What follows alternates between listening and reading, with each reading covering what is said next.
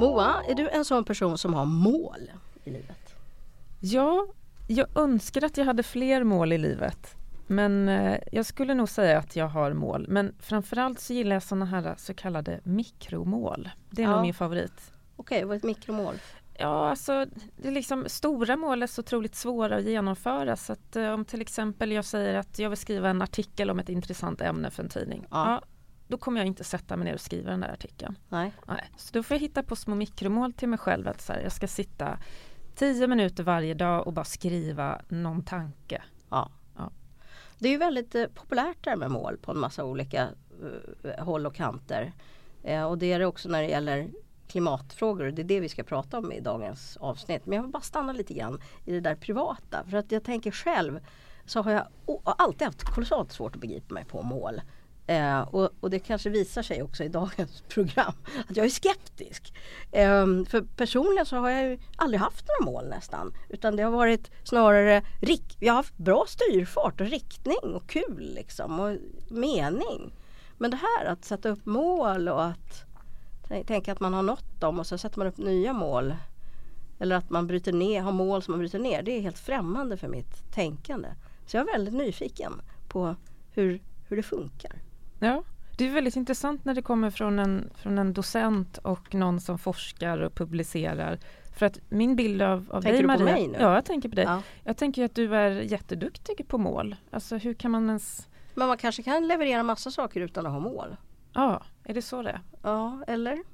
Ja. Och det ska vi få reda på lite mer nu här. Ja, eh, och vi har en gäst, eh, professor här på Södertörn. Tycker jag är roligt när vi är flera södertörnare. Eh, som är expert på organisationer och förvaltningsfrågor. Anders Ivarsson Westerberg, välkommen till Klimatgap. Mm, tack. Och det är extra kul därför att du Anders har funderat en hel del på de här perspektiven just när det gäller klimatfrågor. Ja, eh, i alla fall en del. Alltså, jag är som sagt expert då. Eller Mm. jag, min kunskap ligger ju om organisationer, organisationsteori och framförallt inom offentlig sektor, förvaltning. Men sen så har jag kommit in på det här med klimatpolitik då som ett område där det här är särskilt spännande Ja. genom olika eh, uppdrag och engagemang. Ja. Eh, här- häromdagen så lärde jag mig ett nytt begrepp. Biodiversity credits. Det var kopplat till eh, att eh, det, ja, det verkar finnas två olika perspektiv på det. Det var kopplat till biologisk mångfald. Eh, och eh, tanken att man ska liksom kunna, vad ska man säga, sätta upp mål och få en sorts poäng för arbete med biologisk mångfald. Och det, dels har jag hört att man tala om det som en sorts eh, drivkraft för företag. Eh, och dels som ett sorts styr, potentiellt styrmedel. Och eh, för, mig blev det väldigt konstig tanke att man liksom skulle kunna Alltså det implicerar ju att man i princip skulle kunna byta ut ett typ av eh, vad ska man säga, ett typ av liv mot ett annat. Alltså, eller en, en organism mot en annan. Och man kan räkna liksom på det. Och så vidare. Och, och det är ju konstigt redan när vi talar om eh, mål det, i, när det gäller klimatet som har att göra med koldioxid. Därför att eh, det går inte riktigt att byta ut till exempel fossil koldioxid mot biogen koldioxid när man tänker på det. För att det spelar roll vilket som är vilket. Även om atmosfären inte bryr sig så spelar det ändå roll. Men hur menar du credits? Ja men Alltså, vänta ett ögonblick jag bara. förstår inte. Nej, nej inte jag heller riktigt. Men, men, eh, ehm, men, men jag vill bara eh, tänka tanken klart här. Att, att, att man, men kolatomerna är ändå lika tänkte jag säga. Men djur och mikroorganismer och eh, eh, det vi talar om när det är bi- biodiversitet, de är inte ens lika. Ja, det här är ett problem bara. Ja, biodiversity credits, det, det handlar ju liksom om att man räknar poäng eh, på något sätt. Men menar du att det då går att byta ut? Så att okej, den här typen av bi blev utrotat för vi gjorde det här. Men å andra sidan så fick vi en ny typ av insekt. Eller Alltså det finns redan något liknande när man talar om eh, är det det du är kritisk till? Att det handlar om bio, alltså Ja. liv, organismer, levande ting? Ja, Och, eh, och, men också ekosystem och så. Men om vi, eh, men till exempel så finns det redan någonting sånt här. Jag kan för lite om det men Anders kan säkert mer. Som eh, ja, men när ett byggföretag ska eh, bygga någonting eh, så, så, så kan man eh, om man förstör ett värde så kan man liksom ersätta det med ett annat värde. Och det här är ganska så kritiserat för det är långt ifrån självklart att om man har förstört en viss biotop på något sätt så, är det, så kompenseras det genom att man gör lite ängsmark på ett annat ställe. Eller gud förbjuden lekplats liksom. Um, men det här är en kritik som uh, ja, ni hör, jag är väldigt undrande inför och allt någonstans känner du att det här kommer i att man har mål? ja det har med mål att göra tänker jag, att, ja. och mätbarhet. Just det. Och, och ja. det, vill, det vill jag snacka med Anders om. Mm. Eh, hur sjutton ska man begripa det här?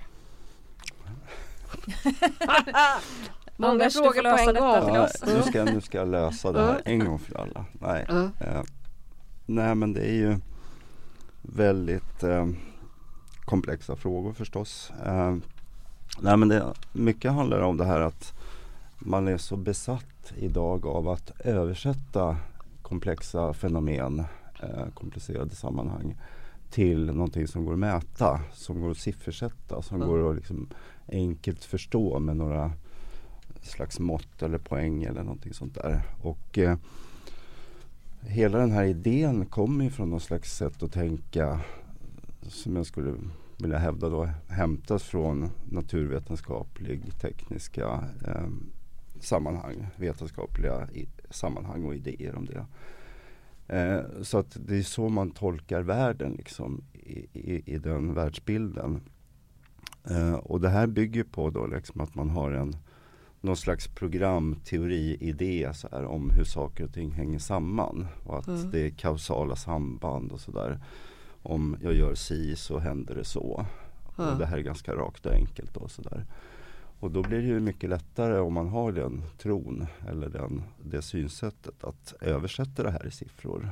Eh, och då kan man mäta och då kan man övervaka, då kan man jämföra. Då kan man sätta poäng på sådana här saker som biodiversity till exempel som är jättesvårt annars. Eh, och eh, det är ju som att det är någon slags tro eller religion det här. Eh, skulle jag säga. För, för det, det är ett sätt att tolka världen utifrån mm. ett visst sätt att se på. på Har du fler sakerna. exempel? Och särskilt när det gäller klimat? Nej men alltså just klimatfrågan den är, den är väldigt så här egentligen, ja det, det är ju miljövetare och den är väldigt teknisk, biologisk sådär. Så att där ifrågasätts ju aldrig det här sättet att tänka. Utan mm. det, det, är ju det är ju den här så att säga förenklade enligt mig då, världsbilden som råder. Mm. Och man, man tänker liksom inom ramen för det här systemet när man sätter miljömål, klimatmål. Eh, att gör vi si så påverkar det så och då mm. kan vi nå ner i utsläppsnivåer eller vad det kan vara för någonting. Mm. Jag kan inte vara mer konkret än så då. Men, mm. Men är, ängen här ett bra exempel ja. på hur man tänker då? Att tar vi bort det här vi hugger ner lite träd här för att bygga en skola men å andra sidan så får ni en ny äng. Är det mm. liksom ett sätt att tänka Jo, men då tänker målenligt? Man så att säga. Ja det är det ju. För då tänker man att det här då ska kompensera för det här andra mm. och det liksom går ett, ut, ett till ett liksom. Mm. Eh, och då tänker man inom ramen för det systemet så att säga. Mm. Då, då går man ju inte utanför och tänker på att jaha men det här kanske påverkas av andra saker eller det finns andra sätt att se det på. Det finns estetiska värden, det finns andra typer av idéer som påverkar. Eh, estetiska värden. Då skulle man ju hamna på en sån här melodifestivalskarta. Jag vet inte om ni har sett det. Många som tittar på melodifestivalen sitter och, och sätter poäng. Ja, visst, ja, men och då blir det ju flummigt liksom, och då blir det helt ovetenskapligt enligt det sättet att se det. Men samtidigt blir det ju så konstigt. Alltså, det är en sak tycker jag att byta ut en kolatom mot en annan kolatom för de är ändå lika eh, en kolatom av ett visst slag så är det en sån kolatom. Mm. Men om vi tänker att, eh, att man kan byta ut en groda mot en salamander eller alltså då börjar man fundera så här, jaha kan man byta ut farmor mot två hundar då? Alltså finns det inte, vad, vad, vad, hur värdesätter man de olika liven så att säga eller de olika platserna eller de olika det, det, där tänker jag, Ja, det är en där väldigt hamnar bra jag fråga. direkt. Ja. Ja. Ja men det blir besvärligt ur Mm. den världsbilden om, om Mm. du börjar värdesätta om farmor eller två hundar Mm. är olika världar. Liksom. Mm. Det, det är ju dina värderingar då som, Mm. som spelar in här som stör, stör det här te- Mm. tekniska Mm. systemet. Men jag tänker att det här, hela det här sättet att tänka det slår mig nu här att något som vi har sett i våra studier om hur individer resonerar när de gör saker som skadar klimatet. Då har vi sett att ett sorts kontotänkande eller en budgettänkande är kolossalt vanligt. Mm. Att vi tänker oss att men vi gör de här goda sakerna och då kan vi tillåta oss att göra de här sakerna. Eh, Ja, men, eh, exemplet vi har tagit jättemånga gånger är att man tänker man, hur mycket man sopsorterar och så kan man ta ut det som en Thailandsresa. Alltså, Mm. men det vi har sett då är ju att det uppstår problem därför att vi tenderar att eh, eh, ja, för det första räkna ja, undvikna utsläpp som plus på kontot. Eh, fast det borde vara mindre minus.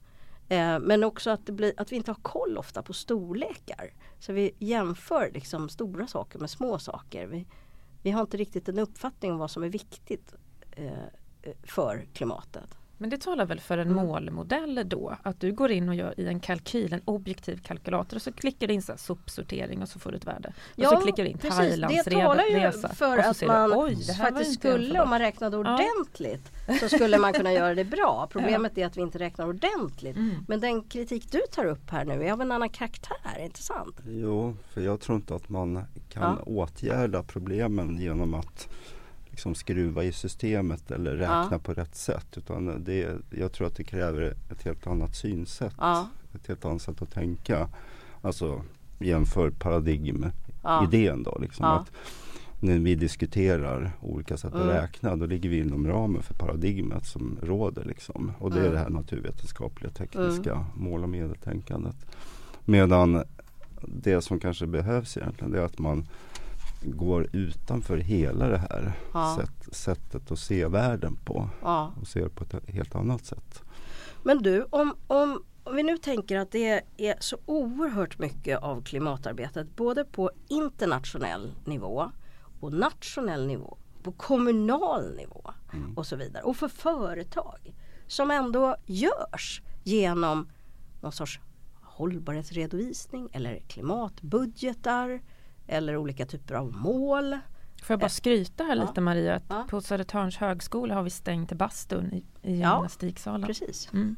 Det är väl en jättetydlig sån. Ja, Det görs ju saker och Jo. det skrivs upp mål och allting. Ja. Och där handlar det om energibesparingar. Ja. Ja. Men på, på massor av olika nivåer så är ju det det huvudsakliga verktyget skulle jag säga. Mm. Och kan vi då, och det är ju helt uppenbart att både du och jag Eh, oklart med Moa. Eh, vi är kritiska mot det här. Det, vi är lika bra att det, det, det står ju klart här redan i början av samtalet. Men ska vi gå igenom, vad är det då som är problemen? Mm. Jag får bara sådana här små frågor. Ja. Mm. Nej men alltså eh, Man kan tänka så här. Eh, alltså vad är mål? Ja. Ja. men jag skulle säga så här. Ja, men mål det är liksom önskan om ett framtida tillstånd. Mm. Det är någonting vi, dit vill vi liksom. Då blir det bra. Eh, men det som vi ser till exempel inom klimatområdet och jag säger inte att det är fel här nu. Eller när Moa pratar om sina personliga mål i början här.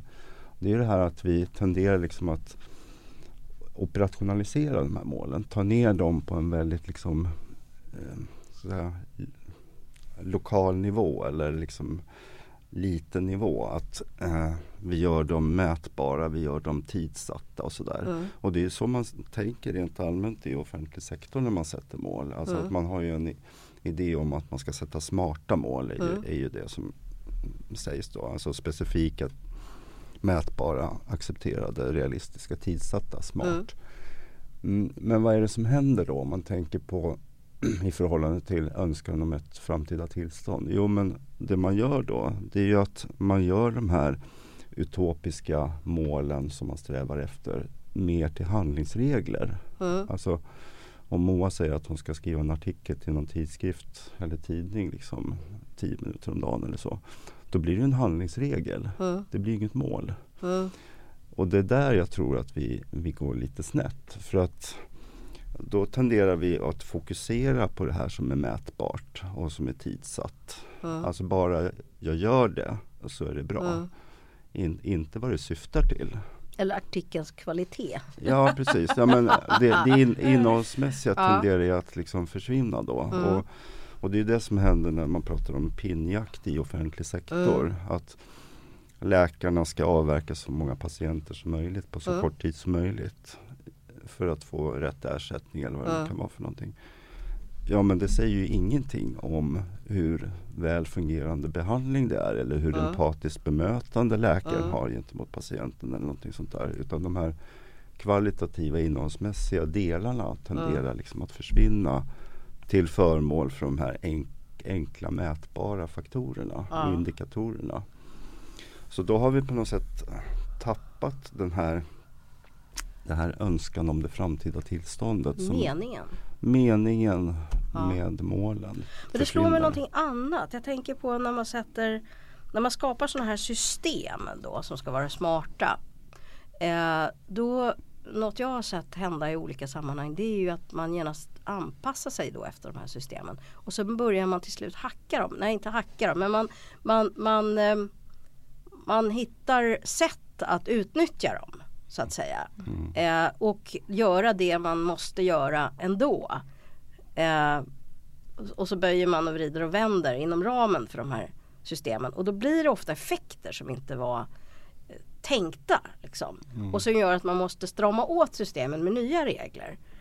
Ehm, känner du igen det? Eller en beskrivning som... Jo men, men det finns ju begrepp för sånt där. Alltså Mm. det, ibland så kallas det för perverterade effekter av Mm. målstyrning då till Mm. exempel. Att man, precis att man börjar göra andra saker. Man, eh, eftersom man tycker de andra sakerna är mycket viktigare Mm. än de här, de här officiella formella målen.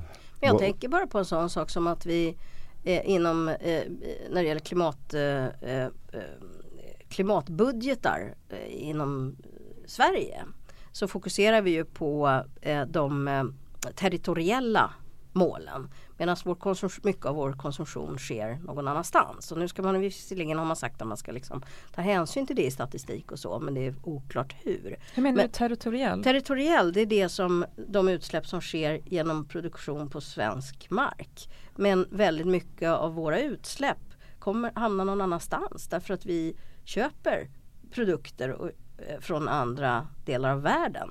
Och då räknas det på det landets liksom, eh, skuldkonto. Och, eh, och det blir väldigt konstiga effekter av det. Och en annan grej är ju att, eh, att till exempel utsläpp från eh, utdikade torvmarker. De räknas inte in. Men vi räknar gärna som ett plus när vi lyckas motverka det eller när vi gör, eh, när vi gör saker som, som, som tar upp koldioxid. Men vi missar att räkna det som inte tar upp, det som släpper ut koldioxid eh, som, som, som sker liksom i, eh, på grund av mänsklig aktivitet i naturen. Men du pratar ju om på ett högre plan här. Det här är ju liksom inte om du eller jag reser till Thailand eller inte. Nej. Utan det här är ju på någon slags nästan nationell Ja. nivå. Va? Ja. För att då, eh, då undrar jag, fungerar det liksom på samma sätt som det personliga? För att jag menar om jag bestämmer åt mig själv, så här, nu ska jag sitta tio minuter om dagen och bara Ja. skriva. Eh, då är det ändå någonting som jag har valt. Om jag väljer bort det så är det ingen som kommer och skäller på mig. Liksom. Men det skulle ju vara jätte, alltså det, är- det är en dystopi. Ifall du Maria har, har, liksom skulle kunna säga till mig så här, Moa, nu ska du sitta tio minuter varje dag Ja. och läsa en bok om klimatet och så kontrollerar jag. Alltså när andra säger du måste göra det här. Men vänta, du sätter fingret på något viktigt. Då blir det ju Eh, ett, skillnad. Ett av syftena med målen är ju att kunna åstadkomma styrning eh, och kontroll uppifrån. Och det vill man ju inte ha. Man Det- vill ju inte ha det uppifrån. Eh, n- nej, och det kan man ju fundera över. eh, också det att om vi har är, om vi, Det verkar ju som en bra idé på många sätt att styra och kontrollera vissa saker uppifrån. Alltså, jag tror att det är många som efterfrågar systemlösningar just nu för att vi verkar inte klara av det genom individuella drivkrafter. Vi Mm. lyckas inte ställa om.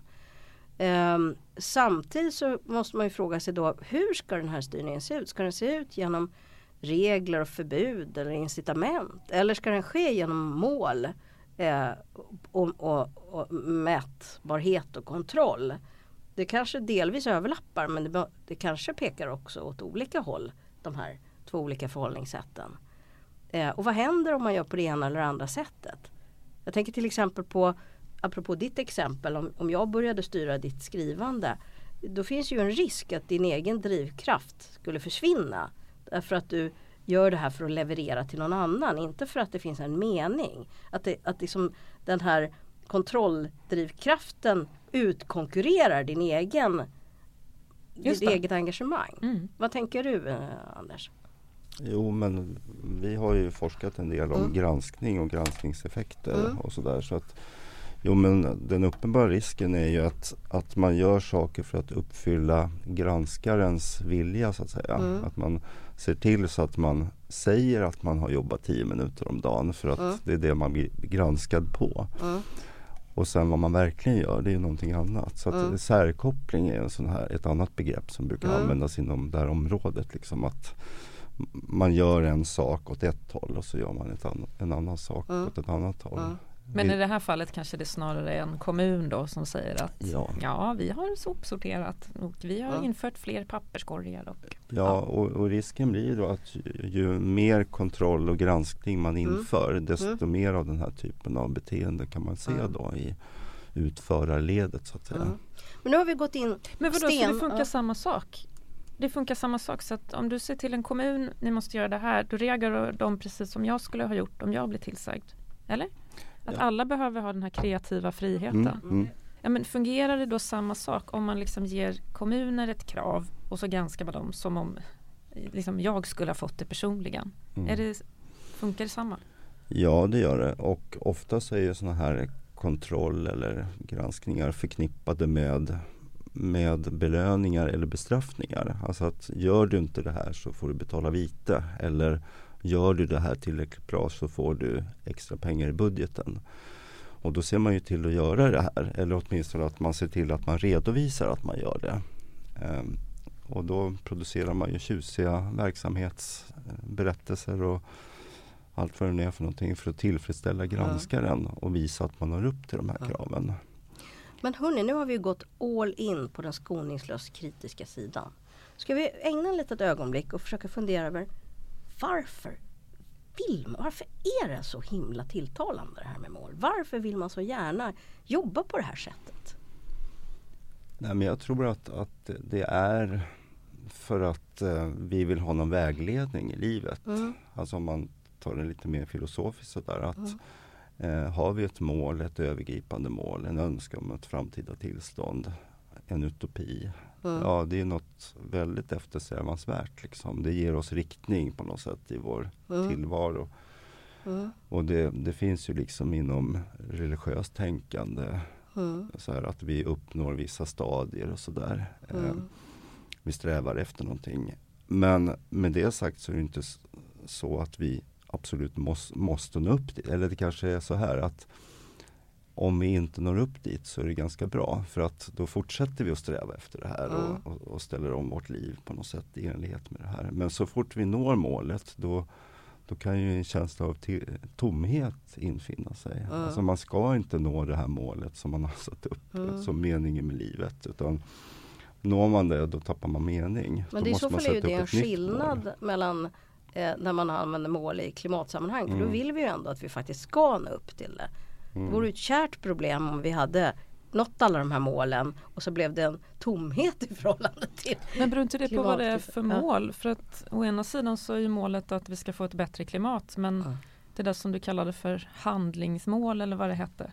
Det är väl ofta det som blir så att säga det konkreta mm. målet man ställer. Alltså det kan ja. inte vara upp till liksom, en kommun eller ens ett land att vi ska rädda klimatet men då har man mätbara Ja, man har ju delat upp ansvaret på olika ja, sätt. Du ska komma under den här utsläppsnivån, det är väl ändå möjligt? Men jag tänker ja. så här att, att eh, det handlar ju mycket om inom klimatpolitik och miljöpolitik att ändra beteenden och att ändra livsstilar hos människor. Eh, och jag tror att man kanske inte når det riktigt om man sätter väldigt konkreta mål. Ja, visst, man når upp till dem och man har en idé om att det ska bli bättre och sådär.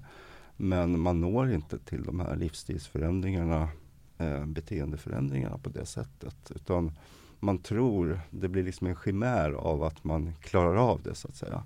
Mm. Eh, ja men jämför till exempel med den här notoriske bantaren som sätter upp ett mål. Jag ska gå ner si så många kilo inom si så många veckor. Och så går man in för det stenhårt och ändrar diet och sådär. Och sen så når man det målet. Ja, vad händer liksom ett halvår efter så är man tillbaka på samma Mm. ställe. Det är för att man inte har nått den här beteendeförändringen Mm. som krävs, den här livsstilsförändringen. Mm. Utan det blir det här kortsiktiga målet som uppnås och då tror man att man har gjort det man ska. Men är inte en positiv eh, dimension av det här med, med mål är i, är, i det här sammanhanget, vi, den här situationen vi befinner oss nu när det gäller klimatet, att vi får se hur jäkla stor utmaning det är. För annars kan vi tänka så här, ja men vi vill så le, gärna leva hållbart och vi stretar på med vårt och det känns meningsfullt. Och så gör vi massa små ändringar. Men, men det här är ju ett sånt fruktansvärt stort problem. Och, och vi fattar inte det. Men om vi får så att säga siffror på hur mycket som det krävs av oss så har det i bästa fall en sorts chockverkan som faktiskt kanske kan tvinga fram någon sorts liksom ja, paradigmförändring eller någonting. Skulle inte det kunna vara en möjlig effekt i alla fall av ambitiösa mål? Jo, men då, och då är vi inne på att vi pratar om mål som att de har en annan funktion. Mm. Alltså, då är vi lite borta från den här instrumentella dimensionen och Ja, handlingsreglerna. Utan målen får ju då mer en pedagogisk effekt eller symbolisk betydelse. Ja, Eh, och, och det tycker jag är ett ganska sympatiskt sätt att tänka kring mål. Alltså Ja. att målen har ju olika funktion. mm, Om, om man tänker sig att det, det är någon slags eh, continuum här. Mm. Alltså me, mellan de här väldigt konkreta faktiska målen som är tidsatta och mätbara och sådär. Som då mer liknar handlingsregler. ja, Till de här mer utopiska visionära målen. ja, Och då kan man tänka sig att på den här skalan då så, så kan vi pricka in då att målen också har en pedagogisk betydelse. De också har en symbolisk betydelse. Att det, ligger mer åt det här utopiska hållet. ja. Vi använder målen för att vi vill kommunicera någonting. Men anta att det var syftet så kan man ju ändå tänka att för att det här ska bli greppbart för, oss måste vi ändå göra en sorts liksom uppdelning av vad det faktiskt betyder för oss. Därför talar vi om det på ett global nivå och säger att ja, till eh, 2030 så måste vi ha minskat våra utsläpp så och så mycket. Men det är först när vi kan jämföra med ja, men hur ser det ut då hos oss. Eh, eh, eh, alla kan st- kanske ställa upp på tanken att vi ska försöka klara och inte eh, komma högre än en och en halv graders uppvärmning. Men när det, när det, det är först när vi fattar att det betyder för mig som svensk att när man räknar på det eh, så har jag just nu utsläpp som är fem gånger så höga som vad som är möjligt liksom, för att vi ska klara av det här. Det är först när, jag, när det bryts ner eh, i någon mening bryts ner som det blir verkligen så här påträngande för mig som individ. Och då är vi fortfarande på en kommunikativ eh, i en kommunikativ dimension av de här målen. Och där tänker jag att det ändå kan ha en funktion att bryta ner bryta ner sånt här så att det blir konkret, så man kan begripa. Eh, men vad, vad är det det går fel då? Var är det går fel? Ja, Men jag tror att, att vi tenderar att, som jag sa i början här, att man översätter väldigt komplexa sammanhang till ganska enkla eh, siffersatta mål. Mm. Men bak, bakom det här så finns det ju en ganska avancerad idé om vad, vad som påverkar vad och Mm. hur, hur det ser ut liksom rent så att säga, vetenskapligt. Eh, och det är där tror jag som, som vi hamnar på något sätt. Alltså, och det var ju det jag sa att, att inom klimatmiljöpolitiken så är man ju väldigt fast inom det här naturvetenskapliga paradigmet. Medan jag tror och andra med mig då också att det här är ju massa, massa olika faktorer som påverkar Mm. om någonting ska bli eh, Ja, man ska nå upp till vissa mål och sådär. Mm. Som man inte helt enkelt räknar med inom det här naturvetenskapliga Mm. paradigmet. För det, det är irrelevant liksom. Mm. Och, och, så kan man ju förklara då att, att varför fungerar eller varför når vi inte upp till målen? Eller varför är det så ofta som vi misslyckas med att nå upp till målen? Jo, det är för att det kommer en massa andra faktorer som påverkar här som, som man inte har tänkt på helt enkelt. Men då skulle, då skulle förklaringsmodellen här som du lanserar den är ju så att säga den handlar om vilket, vilket och att man utgår från ett naturvetenskapligt tänkande i frågor mm. som också är mer komplexa. Mm. Men man kan ju också tänka att en förklaringsmodell en samtidig förklaringsmodell är att eh, det är fråga om politiska förhandlingar. Om vi tänker så här, om vi tittar på eh, vetenskapligt vad Parisavtalet överenskommelser faktiskt kräver för nedskärningar i utsläppen så, så har jag hört en siffra på ungefär 45 procent. men i förhandlingarna då eh, eh, så, så, var det så politiskt omöjligt så man landade på 2,5 procent eh, eh, eh, per år. Och, eh, sist, och så tittar vi då på svenska utsläpp, hur man sen då lever upp till det här. Så såg vi ut att landa på, på, på runt eh, 1 procent. Eh, lite optimistiskt räknat eh, förra året. Och, och, och det här visar ju att det är någonting annat också som händer. Det är inte bara en vetenskaplig fråga. Nej, nej, nej mm. det här såklart. Alltså det, mm. det du pekar på det är ju den här politiska logiken mm. också. Och, och, det behöver ju inte vara klimatpolitik det handlar om. Det kan ju vara vilken fråga som helst som är mm. gränsöverskridande. Många olika länder mm. liksom ska komma överens om någonting. Så att det är ju ett, det är ett politiskt spel och en logik som inte är vetenskaplig så att säga. Och som urvattnar ofta också de Ja, om man nu skulle ja, ha mål så skulle de behöva vara in, tuffare. Om man inte tror på kompromisser så, ja. så kan man säga så. Ja, det är klart. Men ja. du har ju gjort ett gäng liksom statliga utredningar och, och, skrivit rapporter och så. Får du liksom komma med egna förslag på då när du ser det här naturvetenskapliga paradigmet? Kan du föreslå lösningar då? Alltså jag har inte gjort några egna utredningar eh, utan varit med som expert i, i mm, flera utredningar. Okay. Och eh, jag har ju försökt föra fram det här perspektivet och det är, det är ofta därför som jag har fått vara med i utredningarna för att företräda så att säga ett annat synsätt. Mm. Men de allra flesta som, som leder och, och, medverkar i utredningarna är ju inom samma område så att säga. Så att man, ja, man det är som att man talar lite för döva öron när man för fram ett annat perspektiv här. Mm. Eh, Men är ja. det inte också så att så här mål och det, det, är de här verktygen vi har och det är oerhört frestande. För alla vill visa handlingskraft. Mm. Och så tar man till de verktyg man har och då måste jag ställa frågan vad skulle vi göra annars då? Ja, det är jättesvårt att svara på för, ja. för det är ju, vi lever ju inom själva inom ramen för det här sättet mm. att tänka. Så det är jättesvårt att ställa sig utanför och, och säga mm. att man skulle göra på något helt annat sätt. För att det är ju ja, Skulle vi ta bort alla mål till exempel? Skulle mm. vi avskaffa alla mål? Mm. Skulle radera ut ordet mål ur. Svenska Akademiens mm. ordlista? Alltså skulle det fungera? Troligtvis inte. Mm. Alltså, för vi har inget annat sätt att föreställa sig världen på. Liksom. Vi men måste ha mål. Men är det för att det är en grundläggande mänsklig egenskap att vi vill kontrollera och mäta och sådär?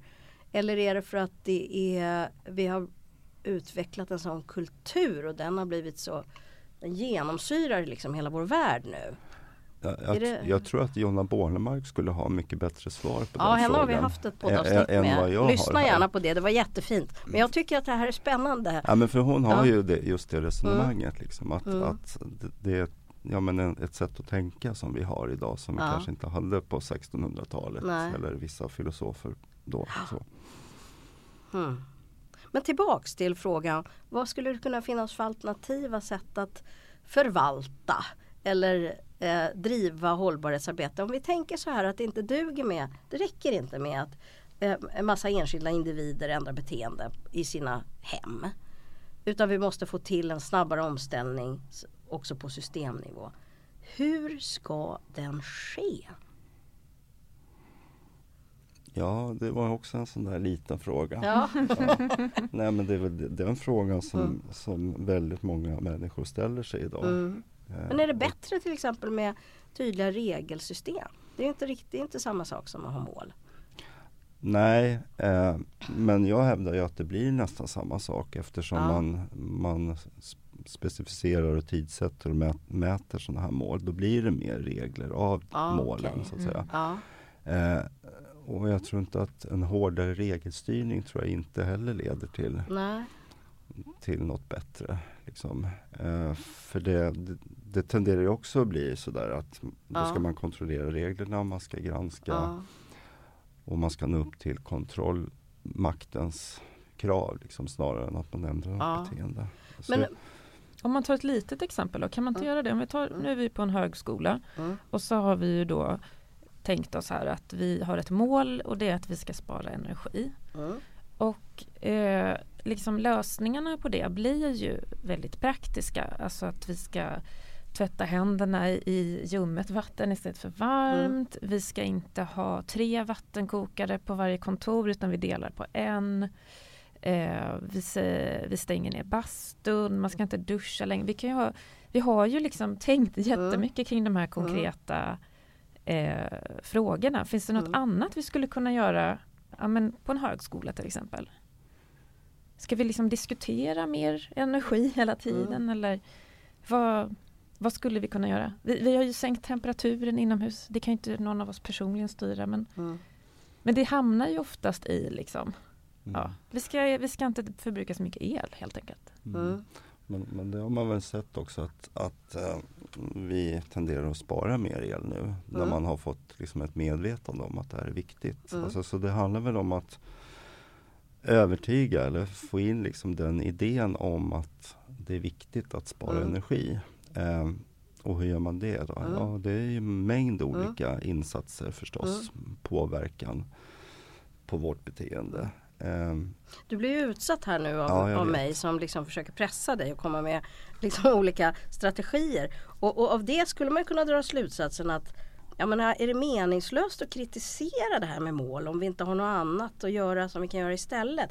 Jag tänker att det kanske är i den frågan som ett av svaren finns. Nämligen att ett av problemen är övertron på mål. Mm. Eh, att vi kanske måste ha mål. Vi kanske måste jobba med de här verktygen på olika sätt. Men vi tenderar att göra det oproblematiserat.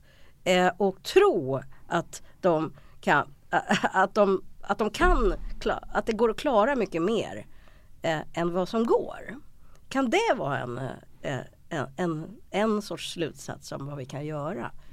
Jo men det, det tror jag i alla sammanhang Mm. att, man, att man måste göra. Alltså att man ska försöka gå bortom etablerade för givet tagna sanningar. Mm. Liksom. Och det tycker jag det är vår roll som ja, högskola Mm. och eh, lärare på kurser och sådär. Att ifrågasätta för givet tagna saker och få igång liksom ett kritiskt Mm. tänkande hos studenter och oss själva för den delen. Mm. Liksom. Så att det tycker jag liksom är ett, ett mål i sig om vi pratar Mm. om mål. Liksom att föra in eh, det synsättet helt enkelt. Och inte bara nöja oss med att det är på ett visst sätt utan också ifrågasätta varför är det Mm. på det sättet. Vad, kan man göra på ett annat sätt? Kan man tänka på ett annat sätt? Men om vi konkretiserar det ännu mer då. Då skulle vi kunna säga att det här, det här målförhållningssättet till klimatproblemen det är ju så här distanserat på ett sätt, matematiskt, ingenjörsmässigt kan man säga. Och, så, och att det i någon mening står i motsättning mot ett ah, känslomässigt, empatiskt, värderingsstyrt engagemang som faktiskt är utifrån allt vad jag vet i de här frågorna verkar vara starka drivkrafter för omställning. Så skulle man kunna tänka att det här måltänkandet i, mitt, i viss mån liksom konkurrerar med andra drivkrafter. Okej, utifrån den insikten då, då skulle man ju kunna tänka att ja, det vi måste göra då är att också jobba med de här andra drivkrafterna Mm. så att de inte blir utkonkurrerade. Det handlar inte om att ta bort det målstyrda utan att kompensera för det på olika sätt. Mm. Jo, Kan jag- det vara ett sätt att tänka? Ja men det tror jag. För att Mm. det är så vi tänker när det gäller styrning i allmänhet. Sådär. Mm. Alltså att hur styr man?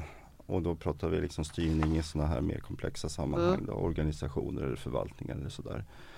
Eh, då brukar vi tänka så här att det är ju en, en kombination av olika Mm. styrmedel Mm. som kanske får den bästa effekten. Mm. Alltså, I det här fallet så har ju liksom målstyrningen då blivit det som har ja, tagit över på något sätt och blivit Mm. det allra viktigaste. Och då har man ju glömt bort andra sätt att tänka och Mm. andra sätt att styra än just mål. Eh, mål, visst de är viktiga men det krävs också en, en palett liksom av styråtgärder Mm. som tillsammans får oss att Mm. nå åt ett visst håll. Men Om vi fortsätter på den tankebanan. Så en annat karaktärsdrag hos målstyrning är ju att det lägger ansvaret uppifrån och ner så att säga.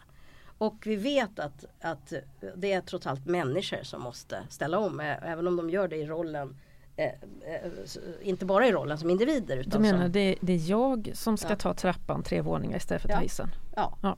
Till exempel. Men även om du Moa var chef för någonting Mm. så är du en individ på något vis. Liksom. Eh, eh, på något vis.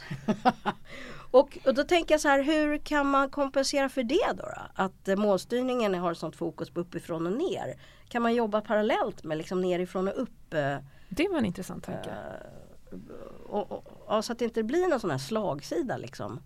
Ja men det är ju som Mm. man säger är i Mm. det ideala sättet då att skapa mål. Det är Mm. att man jobbar nerifrån och upp. Liksom. Att, att man har en, en levande diskussion på golvet så att säga om vad är det för, för mål vi tycker oss behöva eller som är lämpliga för vår verksamhet. Snarare än att det kommer uppifrån liksom från en ledning. Nej, men att man, där man till och med är ålagd eh, att vara med. Man blir utsedd slumpmässigt personer från 18 år och uppåt liksom, att vara med i ett sånt här medborgarråd. Och, och där så ska man försöka hitta sätt att komma fram till hur man ska eh, eh, så att säga leva upp till de här eh, planetära gränserna som man då har brutit ner på, eh, på ett visst område eller en viss kommun och så. Eh, Så där kombineras en sorts måltänkande med ett nedifrån eller ett medborgarinflytande, ett med, nedifrån perspektiv. Mm. Vad tänker du om sådana? Ja men det, det låter ju jättebra men det måste göras på riktigt då tänker jag. Ja. För att risken är ju då att man, man säger att man ska involvera alla medborgare och så blir det någon slags skenprocess. Liksom. Nu, nu har vi satt de här målen och det Ja. alla har varit med och fått tycka till om Ja. dem och sådär. Så att då, risken är ju då att, att det blir någon slags eh, Men det Är var, inte det den här klassiska medborgardialogen som man har i Jo. kommuner? Så att, och så, Ja.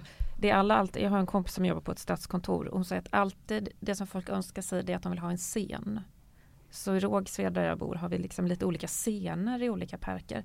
Däremot ett program för Ja. de här scenerna, det finns ju inte så det bara står lite olika scener. Men, men när man frågar folk så, vad drömmer du om, vad skulle du vilja ha? Men då vill väldigt många ha en scen. men skillnaden mellan det och det här franska upplägget är ju att ramen är satt utifrån en sorts eh, eh, budget. Ja, och Ja. det man kan få det är en pryl.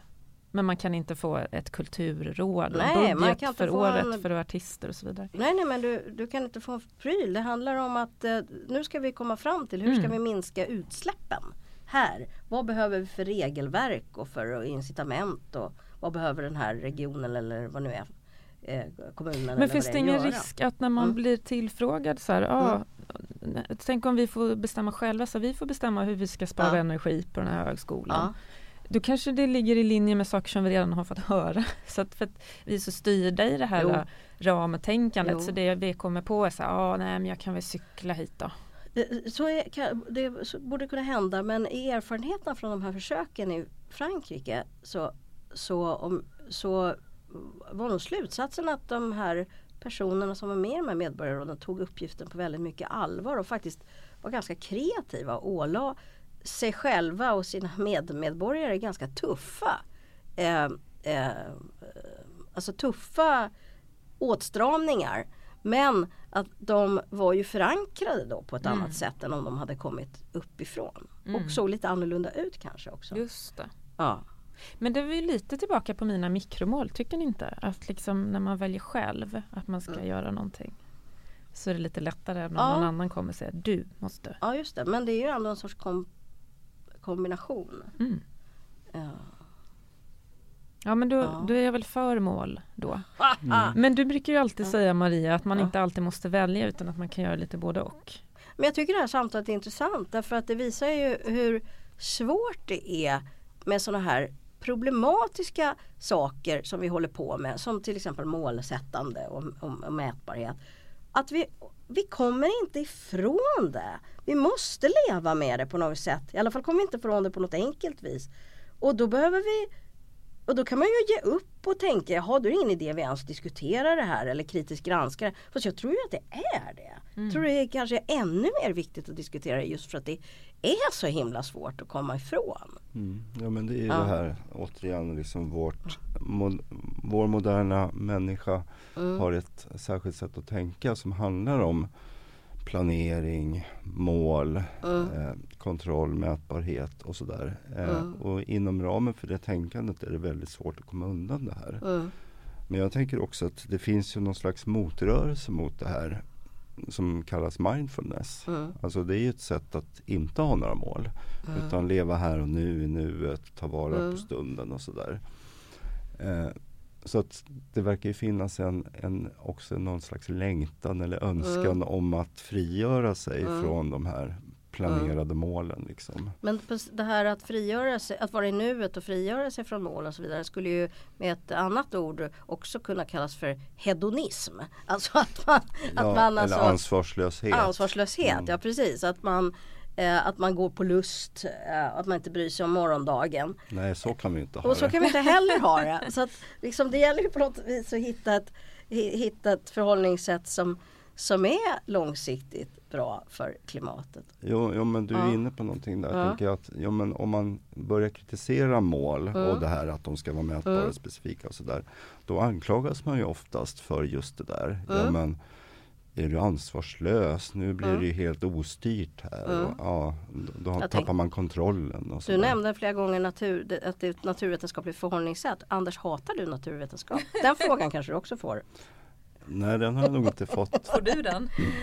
Nej, därför nej, att jag nej. inte... Uh, nej. Nej, men jag, mm. jag absolut inte. Ja. Jag tycker det är jag är jätteintresserad av naturvetenskap. Ja. Så, men Nej, jag den, förstår den, att det inte är så. Den, den passar mm. ju inte i alla sammanhang och det är Nej. det som är problemet. Att man använder samma typ av tänkande och samma typ av metoder och mm. idéer och för över det liksom på samhällsvetenskapliga mm. humanistiska fenomen. Mm.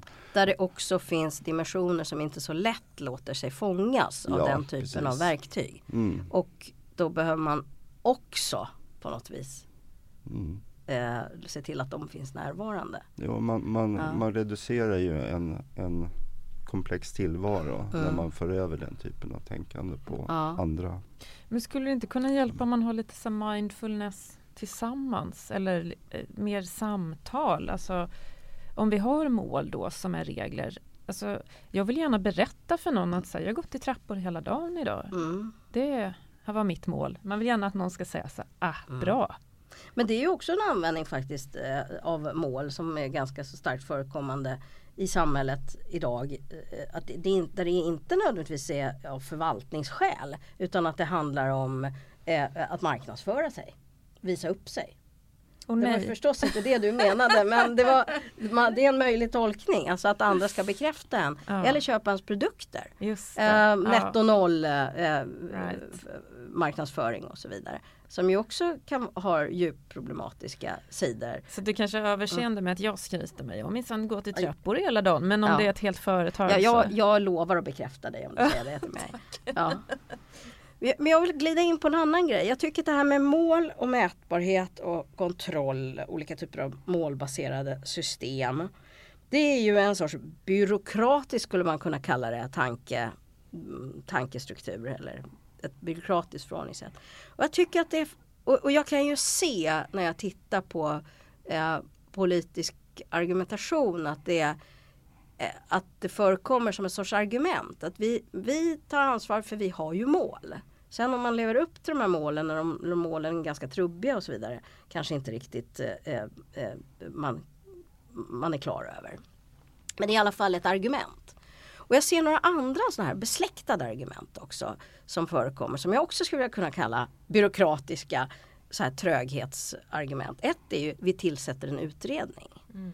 Det är oerhört vanligt. Eh, och man kan tillsätta en utredning och, eh, först en utredning om vad det finns för ett problem och sen en utredning till om hur det hela ska hanteras. Och sen gör man en utredning som är en sån här riskanalys och så vidare. Och så kommer man liksom aldrig till handling. Eh, det är en sån eh, ett byråkratiskt förhållningssätt. Ett annat som jag tycker mig se är vi har inte mandat. Att det, är också, det, här, det är också lite kopplat till det här med målsättandet. Att man har delat upp olika uppgifter i olika stuprör och sen så tappar man eh, blicken över helheten och så, så hamnar saker mellan stolarna och det går inte att göra saker för att det ingår inte i ens uppdrag. Och det här är grejer som jag blir otroligt frustrerad när jag hör den här typen av argumentation. Har du något att säga om det Anders? Mm. Ja, ja men jag känner igen det här väl av båda det du säger. Men, mm. men de sammanhangen jag varit med när det gäller havsförvaltningsfrågor mm. till mm. exempel är ju precis den här problematiken att det, idag finns det vad säger man, 18 myndigheter som ansvarar för olika delar av de havspolitiska målen. Mm. Och de är organiserade i sina specifika sektorer och de är säkert jätteduktiga på, på frågan liksom inom sitt stuprör så att säga. Men problemet är ju att, att det är ingen som tar ansvar för helheten. Och havspolitikfrågor eller havsförvaltningsfrågor de är ju liksom per definition gränsöverskridande. Mm. Liksom. Vattnet rinner ju liksom. Mm. Eh, och eh, det är en mängd olika aspekter av det här liksom, som måste sam, samordnas. Liksom. Mm. Så att den stora frågan inom det området är ju liksom hur kan vi samverka, samordna de här olika insatserna som de 18 olika myndigheterna gör. Och dessutom så är det olika förvaltningsnivåer. Det är ju staten, mm. det är regionen, det är länsstyrelsen, mm. det är kommunerna liksom som har ansvar. Eh, så där, där kan man verkligen prata om att det är byråkratiska mm. problem och hinder som finns i vägen för hur vi ska liksom komma till rätta med de frågorna. Och det är lätt att bara liksom bara bli galen när man tänker på byråkrati. Men det är också så att det är någonting fantastiskt fint i förvaltningsidén. Alltså det här med att eh, saker och ting ska tas om, ans mm. tas om hand och man ska följa sina mandat. Eh, och det är en sorts ordning och reda som, som, som är någonting väldigt vackert och som jag tror har eh, byggt stora delar av folkhemmet. Eh, men det är som att det får baksidor och, och det också leder till problem. Särskilt kan jag tänka i frågor av den här karaktären som havs, havsmiljöförstöring och eh, eh, klimatet. Därför att det är så akut och bråttom nu. Och efter, eftersom det är just frågor som där vattnet och luften flyter som mm, du säger. Mm. Ja, men byråkrati det är ju en mm. idé om, om stabilitet. Liksom, mm. Att vi organiserar vårt samhälle så att det blir förutsägbart och, mm. och tryggt och sådär. Mm. Eh, men då kan man ju säga å, å andra sidan då att det hänger inte med riktigt i de förändringar som sker. Mm. Alltså vi behöver ju också mm. tänka om när det gäller organisering kring de här frågorna för att det händer saker i mm. samhället och i världen. Liksom. Så att, eh, där borde man väl ha någon slags idé om kontinuerlig förändring av hur man organiserar samhällsfrågor. Har du några idéer? Vad skulle behövas? Ja, det här är ju också svårt liksom, eftersom man är så inrotad i det gamla tankesystemet. Liksom. Alltså, det ja. som, apropå utredningar då, det som utredningar alltid kommer fram till ja. det är att ja, vi skapar en ny myndighet som har ansvar ja, för det här precis. området. Ja, men då är man ju inne liksom i samma tänkande som bara vi har en ny myndighet så löser vi problemet. Men det blir ju sällan så. Ja men då hamnar man i en sorts paradox för att om det är så att vi kan bara göra lösningar som är in, inifrån systemet mm. och, och då på sätt och vis reproducerar vi systemet då är det ingen idé att göra någonting. Så, så det, man skulle mm. kunna dra den slutsatsen. Mm. Men man kan ju också tänka att då börjar vi i alla fall inom systemet då. Mm, ja, så kan man ja. tänka. Men jag tror att samverkansfrågorna ja. kommer, eller de är ju redan på tapeten ja. liksom, men de kommer ju bli ännu viktigare framöver när det gäller just sådana här gränsöverskridande ja. fenomen. Men om vi ska vara riktigt konkreta här måste jag ändå ställa frågan. Som jag förstår det finns egentligen ingen myndighet i Sverige som har hand om klimatkrisen som en kris.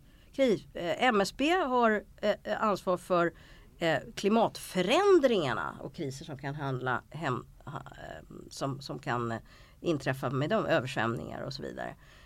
Men inte för liksom, att förebygga krisen. Och är inte det ganska konstigt? Jo, det är ganska konstigt. Eh, kan man ju på är ett inte det sätt en fråga att driva? Borde det inte ändå vara så att Jo, då är man ju inom ramen för systemet. Mm. Vi borde ha någon samordnande central organisation Ja.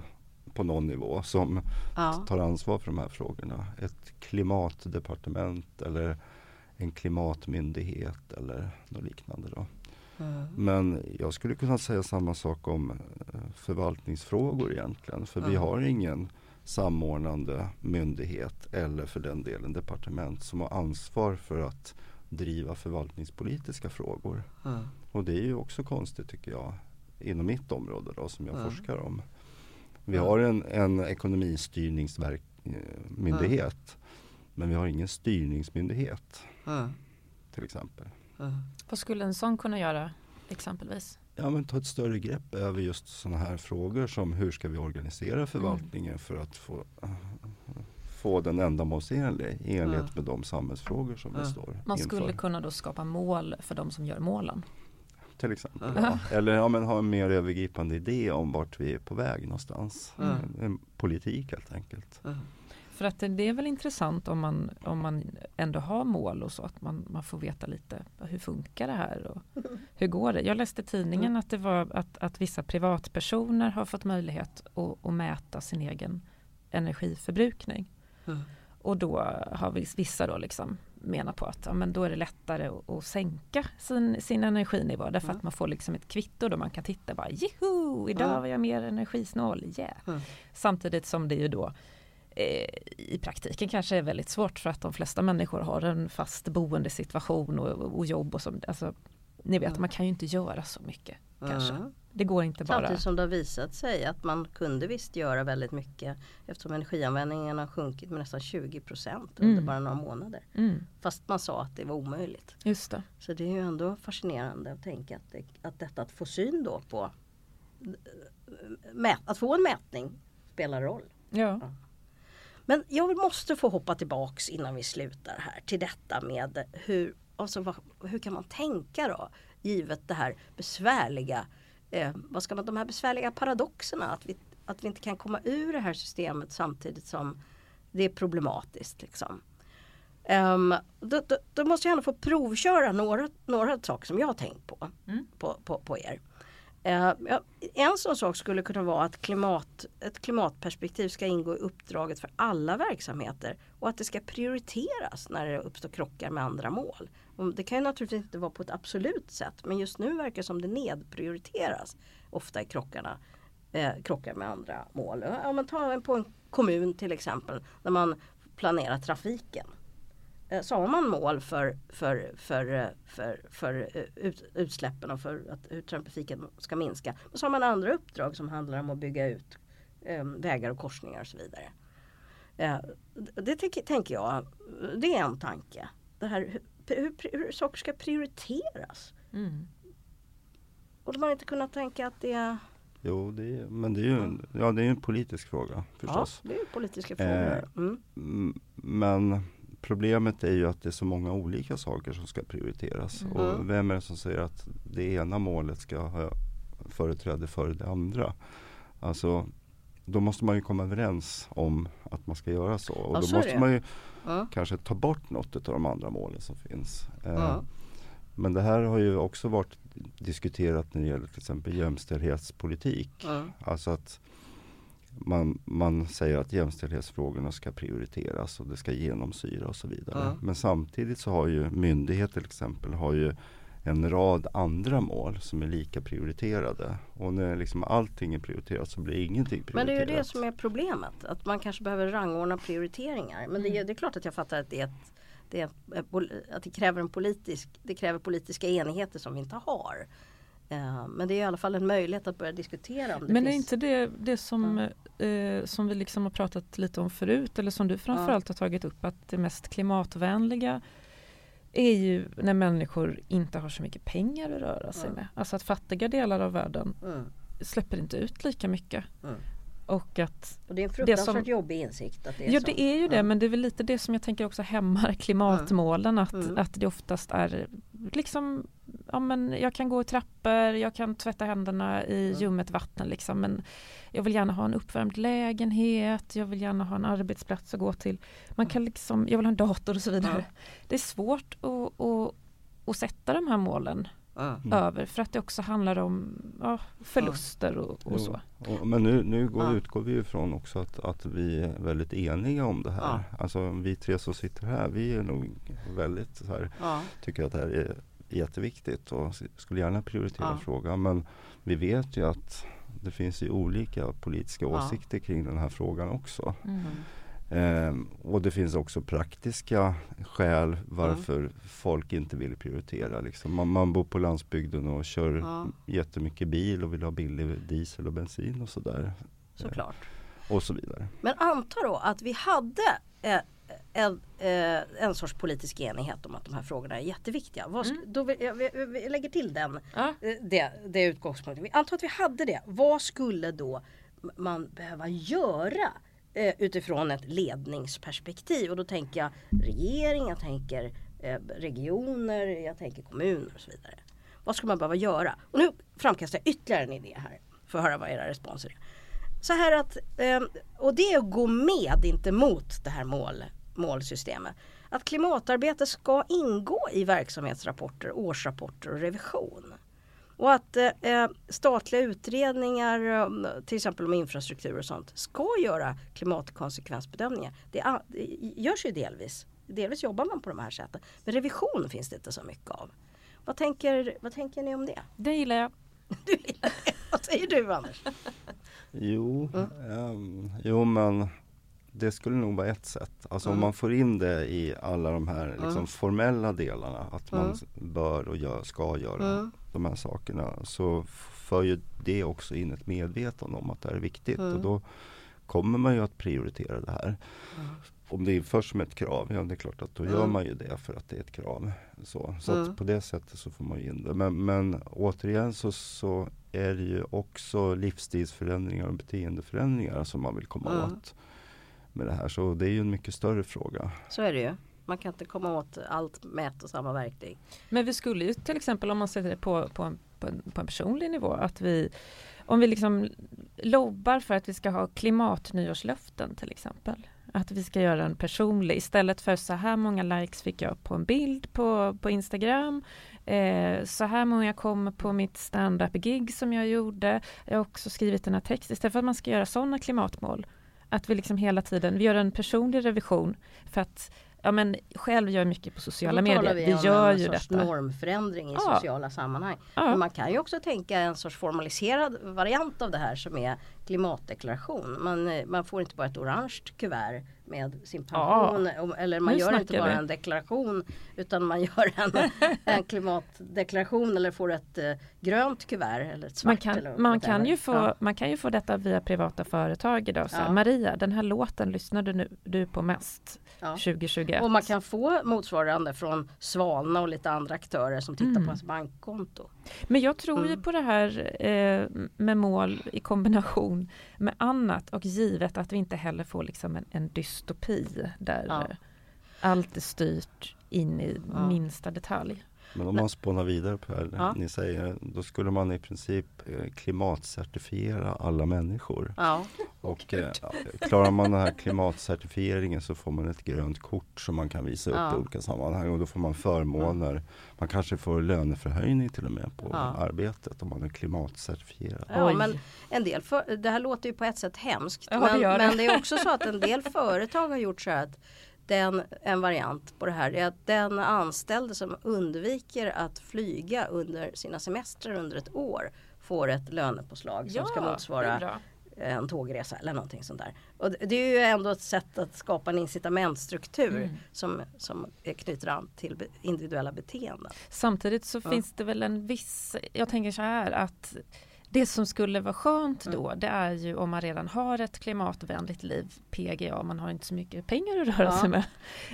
Eh, då blir det här som en bonus istället för du är lägst på den sociala stegen så är det så här, du är en klimathjälte. Ja. Det har vi pratat Ja, om. det Det, var- skulle ju vara trevligt. Det Men vara det trevligt. kanske inte bygger på att man måste liksom göra något extra utan bara Nej. keep up the good work. Fortsätt inte Mm. resa så himla mycket. Eller man, man driver en kampanj om plastsanering. Mm. Man har plastamnesti. Man får komma och lämna in alla sina plastföremål vid under en viss tidpunkt till återvinningsstationen. Ja, just det. Ja, ja, ja. och Amnesti, sen så ja. då är det undantaget då, gröna certifieringen. Precis. Jag fattar. Mm. Men det är ju roligt att, att lyssna på er tycker jag, att liksom spåna praktiska förslag därför att ofta är det ju tvärtom så här att man tvärtom tittar på allt som går dåligt hela tiden. Då. Ja. Just mål med klimat har ju blivit sådär, hopp, levde vi inte upp till det målet? Hopp. Alla nya. IPCC-rapporter och så är ju eh, Deprimerande ur det Ja, perspektivet. precis. Ja. Men, men jag måste provskjuta två idéer till. Mm, kör. En idé handlar ju om Eh, eh, personligt ansvar. Alltså att man utser ansvariga för samordningen av ett klimatperspektiv på lokala nivåer. Till exempel kommuner eller olika myndigheter och så vidare. Att man har ansvariga som, som eh, människor. Alltså vi, vi, försöker ofta så att säga, byråkratisera bort människan genom att vi har dokument och, system av allting. Men om, det- om det är människor, en grupp liksom, eller en individ som är den ansvariga så kanske man Eh, och det, det är klart att det förekommer. Jag bara funderar på den här tanken att man, att man kan kompensera för det här fyrkantiga förhållningssättet genom att också väldigt strategiskt lägga ansvar på människor. Mm. Vad tänker ni kring det? Ja, men jag, jag tänker att det riskerar att bli det här byråkratiska kring det i alla fall. Ja. För jämför arbetsmiljöarbete till exempel. det är sant. det, har vi ju samma, samma idé där. Enligt arbetsmiljölagen det. så ska arbetsmiljöansvaret vara arbetsgivarens då. Mm. Och så mm, delegeras det liksom på Mm. chefsnivåer ner i organisationen. Och det blir väldigt lätt så att det blir byråkratiserat. Vi ska sätta mål, Ja, vi ska följa upp målen eh, och sådär. Och sen så när man ser hur arbetsmiljön ser ut så ser den i alla fall likadan ut. Men det talar väl för eh, överenskommelser, kan man inte addera? Alltså jag tänker eh, det som kallas för gig-ekonomi, eh, människor som arbetar med att köra ut mat till folk till exempel. Eh, där tänker jag en, en, en yrkesgrupp i alla fall som kanske skulle vilja ha mer eh, byråkrati. Eftersom att om man arbetar på det här sättet, alltså du får Mm. betalt om du levererar maten i tid. Gör du inte det så får du sluta. ja. Eh, du får inte betalt för cykeln du cyklar Mm. på, vi betalar inte och så vidare. Eh, många sådana situationer är ju uppstyrda på så vis att liksom arbetsgivare och arbetstagare har en överenskommelse som är större. Mm. Och då slipper vi grubbla på det hela tiden. Liksom. Ja. Om jag nu säger någonting i klimatgap som gör Maria ledsen. Ja men då blir inte jag, jag får inte sparken imorgon.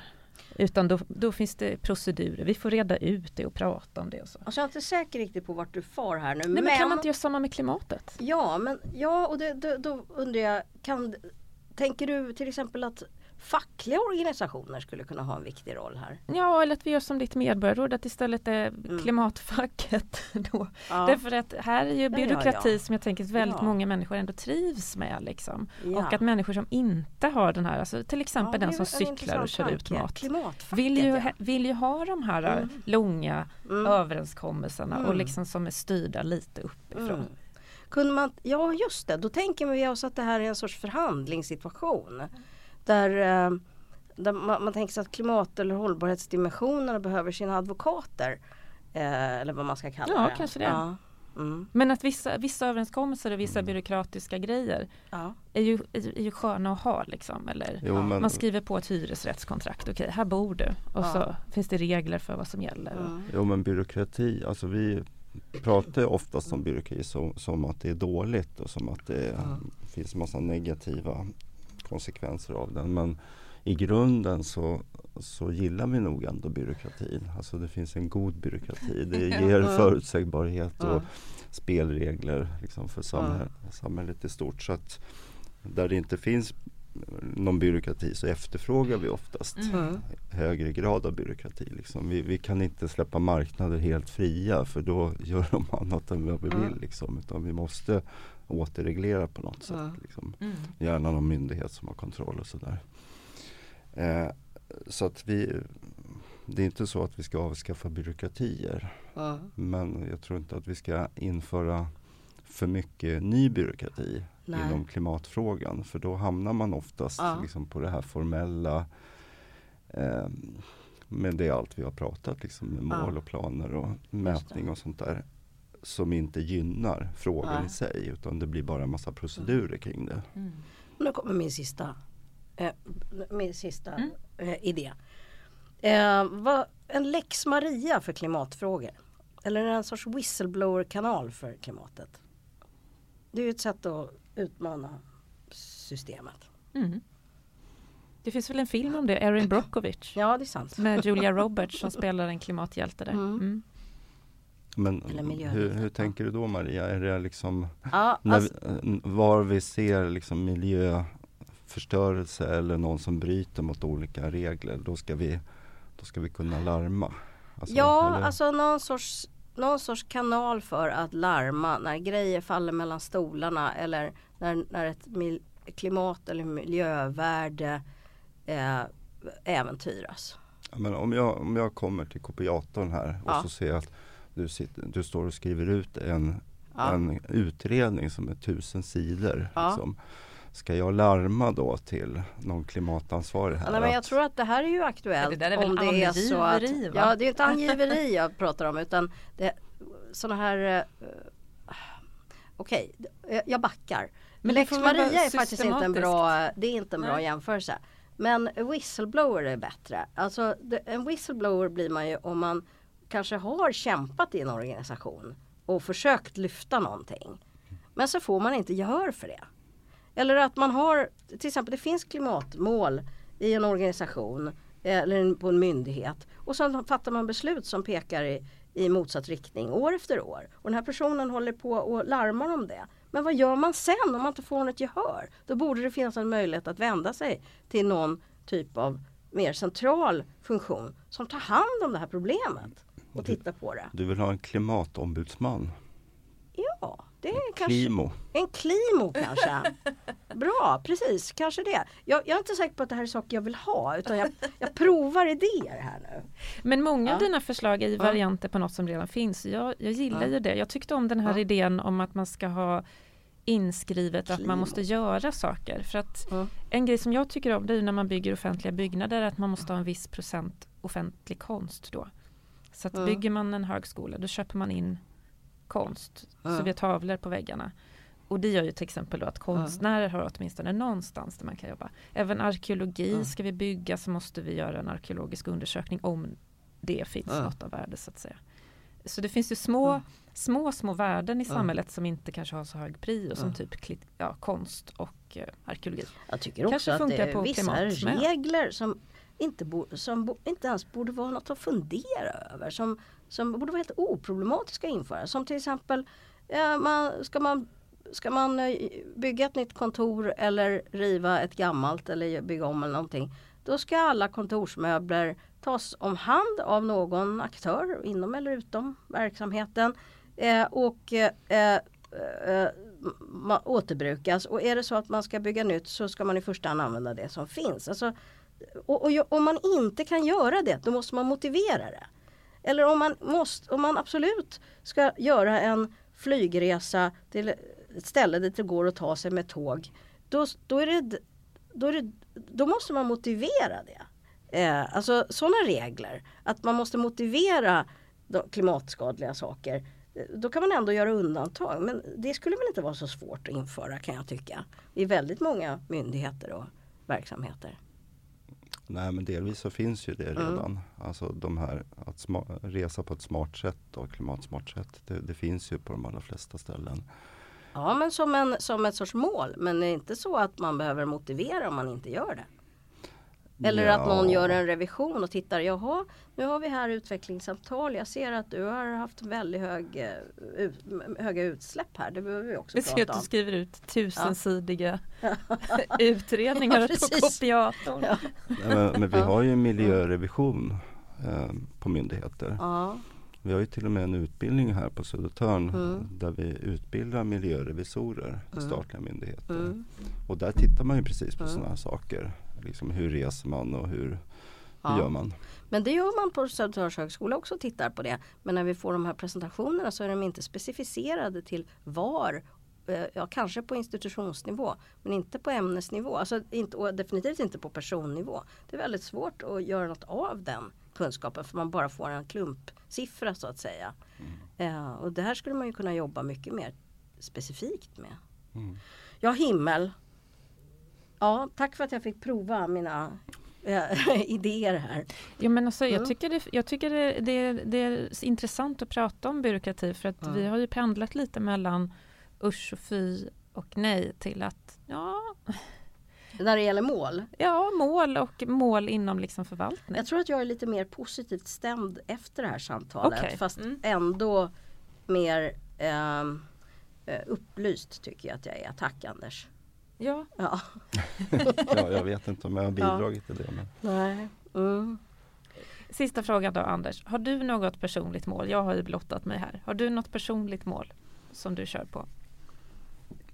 alltså i enlighet med det jag har sagt om att, att önska om, om ett framtida tillstånd. Nej men jag, jag ska jobba på mina relationer. Framförallt med mina familjerelationer. Ah. Men jag vill inte tidsätta det, jag vill inte göra det mätbart. Mm. Mm. När du säger sådär så tänker jag att jag, jag, jag har inte mål kanske men jag har riktningar. Och de är att jag ska hitta en schysst balans mellan den stora och lilla klimatvärlden. Den stora klimatvärlden det är forskningen, att det här som vi gör och så vidare. Att vara ute och prata om de här sakerna. Det är ganska plågsamt och jobbigt. Men i den lilla världen, där håller jag på att anlägga en våtmark. Och jag gör massa andra saker som eh, ger mig eh, eh, läkning kan jag tycka när jag tycker att det är deppigt i den stora världen. Så jag ska hitta ett bra sätt att eh, gå in och ut, eller gå mellan den lilla och stora världen. Ja, det, det är min riktning. Vad trevligt. Och du då? Eh, ja, men jag tror att jag blir inspirerad av dig Maria. Jag ska nog köra mer på den lilla klimatvärlden. För det tycker jag är lite roligt. Det kan man dela med andra och så. Mm. Som jag sa tidigare så gillar jag att få beröm och uppmärksamhet och marknadsföra mig själv. så att, eh, det biter på mig. Mm. Men tack så jättemycket för idag hörni. Det var ett väldigt kul samtal tycker jag. Mm, tack. Du har hört Klimatgap, en podcast från Södertörns högskola. I studion Maria Wollratz Söderberg, producent Moa Svan, tekniker Josselin Hultman och redigering av Florence Agostini. Bye.